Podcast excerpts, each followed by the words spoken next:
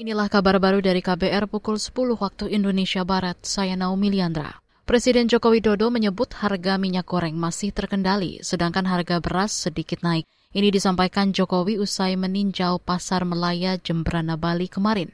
Kunjungan tersebut dilakukan Presiden untuk mengecek harga bahan pokok yang memengaruhi inflasi, terutama untuk harga beras dan minyak. Tadi di pasar rakyat tadi saya cek harga-harga utamanya uh, yang inflasinya yang mempengaruhi inflasi yaitu minyak dan beras.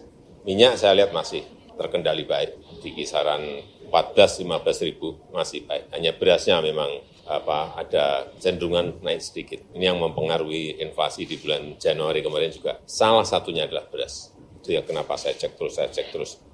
Presiden Jokowi menyerukan kepada seluruh pemerintah daerah untuk mengendalikan inflasi yang berasal dari harga kebutuhan pokok. Sebelumnya, Badan Pusat Statistik BPS mengungkapkan inflasi pada Januari dipengaruhi oleh fluktuasi harga makanan, minuman, dan tembakau.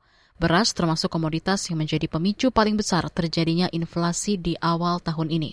Kontribusinya mencapai 2,34 persen. Kita ke bursa saham. Saudara, indeks harga saham gabungan atau IHSG pagi ini dibuka menguat 26,17 poin ke level 6.916. Kemarin IHSG juga ditutup menguat 28,31 ke posisi 6.890.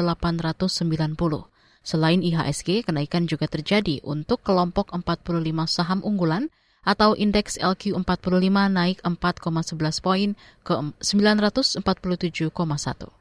Saudara, demikian kabar baru KBR. Saya Naomi Liandra.